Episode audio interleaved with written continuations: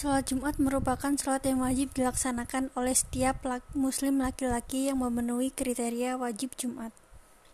Tetapi, di sebagian tempat terkadang ada beberapa karyawan yang tidak melaksanakan sholat Jumat lantaran tuntunan shift bekerja.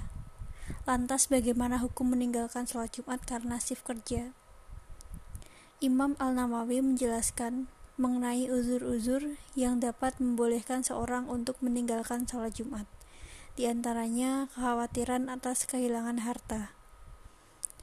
Hal ini sebagaimana dalam kasus karyawan yang bekerja untuk menjaga sebuah kantor atau perusahaan tertentu, tidak wajib baginya melaksanakan sholat Jumat apabila ia tidak memiliki kesempatan untuk menjalankan uh, menjalankan Jumat dan khawatir akan kehilangan pekerjaannya jika harus melaksanakan sholat Jumat.